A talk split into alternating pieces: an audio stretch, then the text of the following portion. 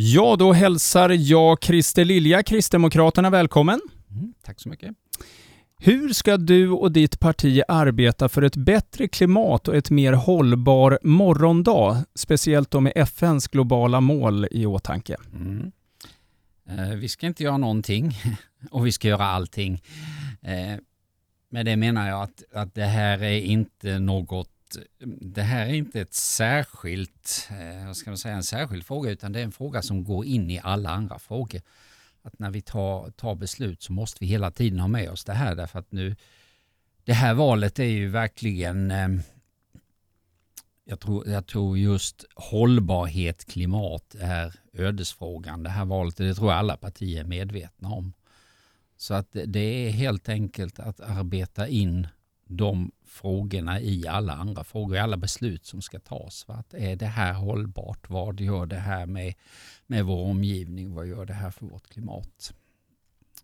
På det sättet, och det, det har vi implementerat nu i, i det politiska arbetet och det, det, kom, det sättet kommer vi fortsätta arbeta.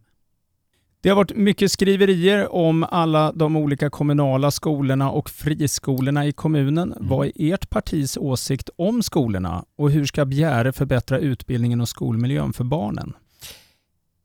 Ja, eh, för det första så brukar vi säga att förra valet var ett skolval. Då, då valde vi lite inriktning för skolorna. Sen tycker jag att vi har gjort Eh, väldigt mycket. Det jag är mest nöjd med är den skolstruktur som vi har satt den här eh, mandatperioden med att vi ska ha fyra låg och mellanstadieskolor, två, två högstadieskolor i kommunen.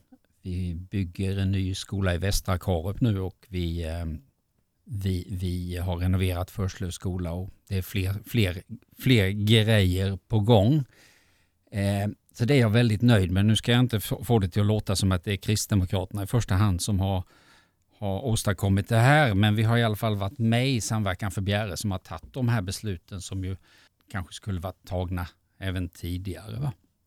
Så det är jag väldigt nöjd med. Och på det sättet så menar jag väl att vi, vi är på god väg med, med skolsituationen, att utbildningen med det här förbättras och skolmiljön också. Inte minst med att man helt enkelt får nya lokaler. Um, sen är det ju friskolefrågan naturligtvis. Kristdemokraterna är ett, ett um, marknadsinriktat parti. Vi tror, vi, vi, vi tror på friskolor. Vi tror det är bra med friskolor. Och då dyker naturligtvis också det som har varit mycket skriverier om nu, skolan i Torekov. Det blev ju en, en konsekvens av, av den äh, det beslut vi har tagit var ju att skolan i Torekov, den kommunala, lades ner och nu vill man starta en friskola där man vill ha tillgång till lokalerna och det har vi då i den styrande majoriteten inte riktigt släppt, släppt till eh, därför att vi menar att vi behöver dem till annat. Men vi är positiva till den, det initiativet även om vi kanske inte kan, kan släppa till just de lokalerna för det. Bjäre på senaste år har vuxit mer och mer som framstående cykelort. Hur anser ni att cykelframkomsten på Bjäre ska utvecklas? Framförallt med fler cykelvägar. Och det finns en, en prioritet bland, bland oss, åtminstone oss styrande partier i den här frågan, att vi behöver bygga fler cykelvägar. Prioritet ett är väl Grevie till Västra Karup nu när den nya skolan tas i bruk där. Förslöv via nya Förslöv station till Greve är också en prioritet. Eh, sen är det lite problem med det där därför att vi är inte, vi har inte egen rådighet över det där. Det är, det är eh, Transportstyrelsen, vad är det, Trafikverket som, som eh, står för det där. Sen, får, sen försöker vi trycka på från kommunens sida så mycket som möjligt och kanske också finnas med och finansiera delar av det. så här, va? Men, men det är verkligen en prioritet för oss. Vi pratar mycket om. Alla kan inte jobba heltid, men många kunde jobba deltid. Hur kunde man göra det lättare för till exempel personer med intellektuell funktionsnedsättning att kombinera arbete och pension? Mm. Det nästan så jag vill passa på den frågan för jag, jag har inte riktigt något bra svar. Det finns ju regelverk som, som hindrar ibland och eh, det kan vara svårt att hitta arbetsplatser också. Va? Men, men eh, det är en bra ansats så pass, eh, så pass långt som det är möjligt. Vi tror ju att, att alla som kan arbeta ska arbeta med det som man, det som man kan göra. Va? Eh, sen har vi ju ett jättebra exempel tycker jag. Är, eh, vi har ute i Bjäredalen har vi eh, en kallas väl för daglig verksamhet och det, det är eh, människor med intellektuell funktionsnedsättning som jobbar där. Där har vi ett tvätteri och de sköter då tvätten av, av eh, kläder för, som man använder i, i vård och omsorg, va? arbetskläder. Det är ett jättebra exempel. Mer sånt kanske går att lösa. Nu under pandemin har vård och omsorg kommit upp som en hjärtefråga för många invånare. Hur driver ni frågan om bättre hälso och sjukvård inom kommunen? Ja, det gör vi ju.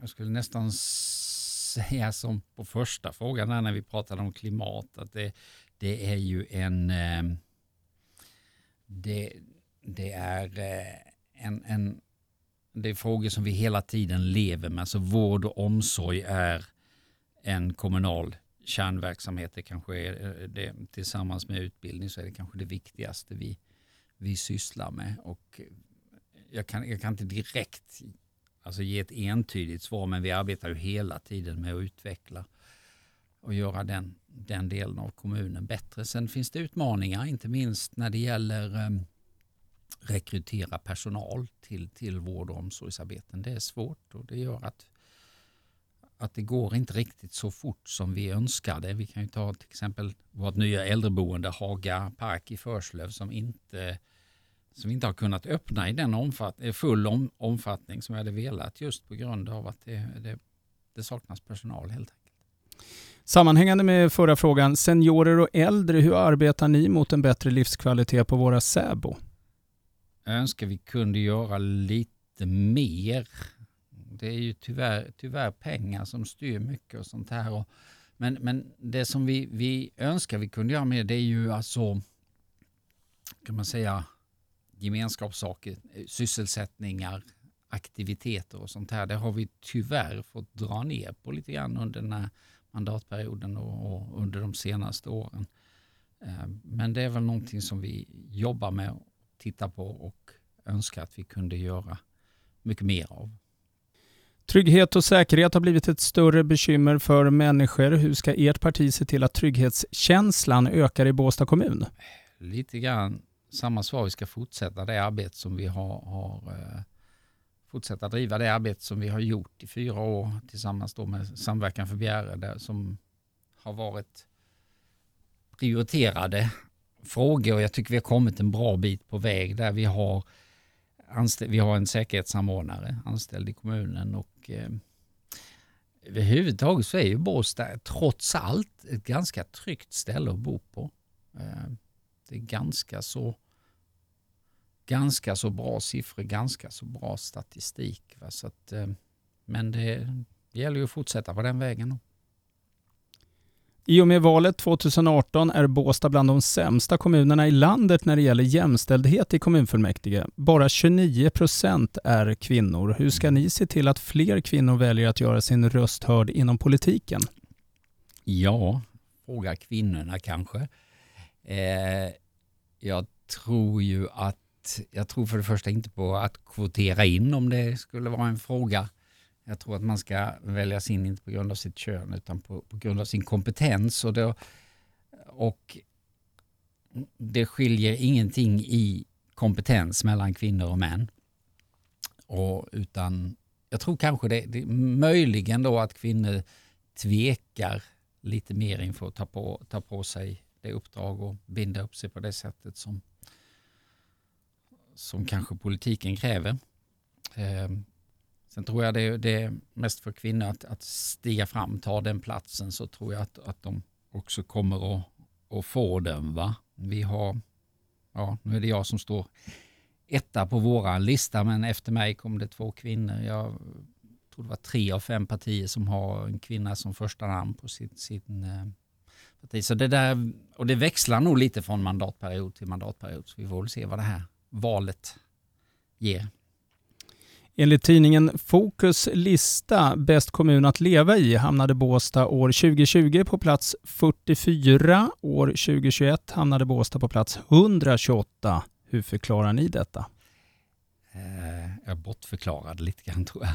Nej, eh, det finns jättemånga sådana här rankingar med en det ena och en det andra och en del så är man, är man eh, högt upp och på en del så är vi jättelågt ner. Jag läste igår om att vi har Sveriges näst sämsta hemsida i kommunen. Men eh, det jag tar inte så jätte, jätteallvarligt på de här rankingarna. Ibland så, ibland så kan, det, kan det bero på vad man har matat in för information och vilka frågor man har ställt och hur man har ställt dem. Och så där. Vi, har, vi har en, en eh, vi har en, våran slogan, vi har vår övergripande målsättning i kommunen, Båstad kommun ett bättre sätt att leva. Det, det, det försöker vi att, att att, ha med oss i beslutsfattande och i alla ärenden. Va? Och sen, sen kommer vi nog även i fortsättningen att ha en del undersökningar som blir jättebra och en del som blir riktigt dåliga. Eh, sista frågan, det är förskolefrågan. Det är barn som har fått möjlighet att ställa en fråga och eh, då ställer de, vad gör du för att vara snäll? Ja, vad gör jag för att vara snäll? Jag brukar läsa en gammal bok som, som kallas för Bibeln och där står det att eh, det som människor vill att, de ska, att, eh, att man ska göra mot mig, det ska jag också göra mot dem. Och, så att om jag vill att, att andra ska vara snälla mot mig så får jag, får jag börja med att vara snäll mot, mot alla andra. Så det försöker jag leva efter.